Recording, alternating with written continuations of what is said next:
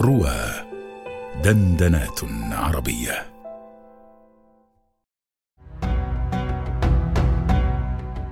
آيات وأبيات مع الأستاذ أبي قيس محمد رشيد على رواه. الحلقة السابعة. براعة الالتفات. صورة جديدة.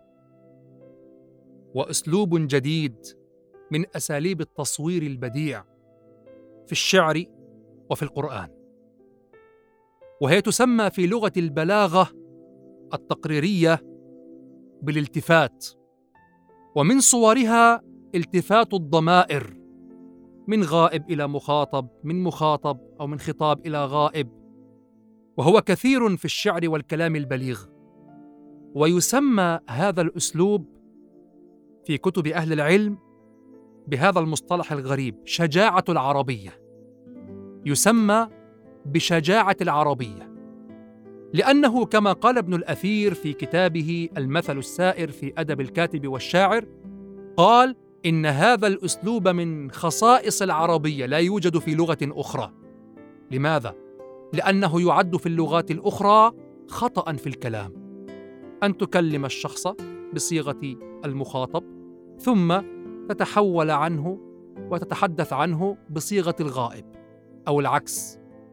هذا في اللغات الأخرى خطأ وفي منطق الكلام بعيدا عن البلاغة خطأ ولكن طاقة العربية وبلاغة العربية وشجاعة العربية فرضت نفسها حتى على العيار النحوي وكسرت السياق وأجازت الالتفات أجازت شجاعة العربية وجعلتها معلما بيانيا وقع في الشعر القديم ثم وقع في القرآن.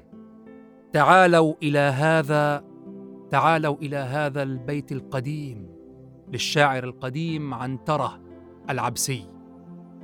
إذ يقول في معلقته عن حبيبته وكيف أنها هاجرت إلى أرض بعيدة لا يمكنه الوصول إليها ورؤيتها.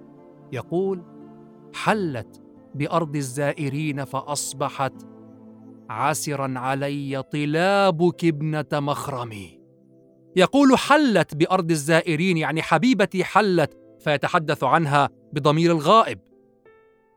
وبعد ذلك يقول فأصبحت عسرا علي طلابك.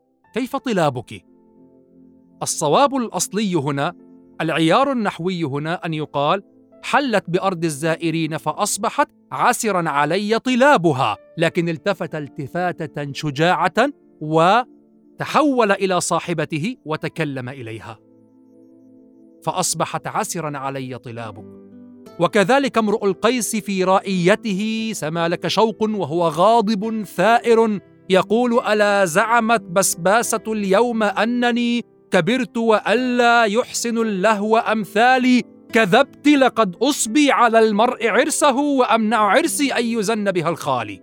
لم يقل كذبت وإنما قال كذبت التفت كان يتحدث عنها صار يتحدث إليها وكذلك عنتر كان يتحدث عنها صار يتحدث إليها. هل حصل هذا في القرآن؟ حصل هذا في القرآن. وحصلت منه الصور البديعة العجيبة. والمثال المشهور الذي يذكره البلاغيون في هذا الباب هو قوله تعالى من سورة يونس هو الذي يسيركم في البر والبحر حتى إذا كنتم في الفلك وجرين بهم بريح طيبة. وجرين بهم.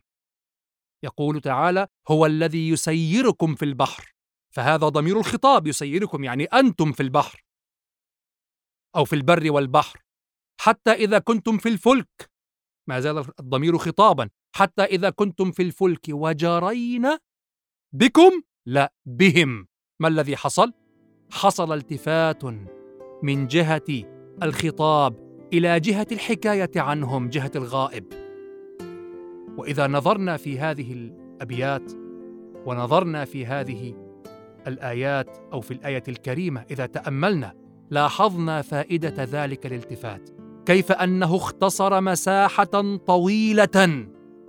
وللقرآن المثل الأعلى وللشعر أيضا المثل الأعلى أقول يشبه هذه المشاهد في الأفلام التي ينقطع عندها المشهد أو إسدال الستار في المسرح ثم ينكشف الستار أو ينكشف المشهد الجديد في الأفلام السينمائية عن عصر آخر وحكاية أخرى وتتم القصة في تتم القصة في اتجاه آخر.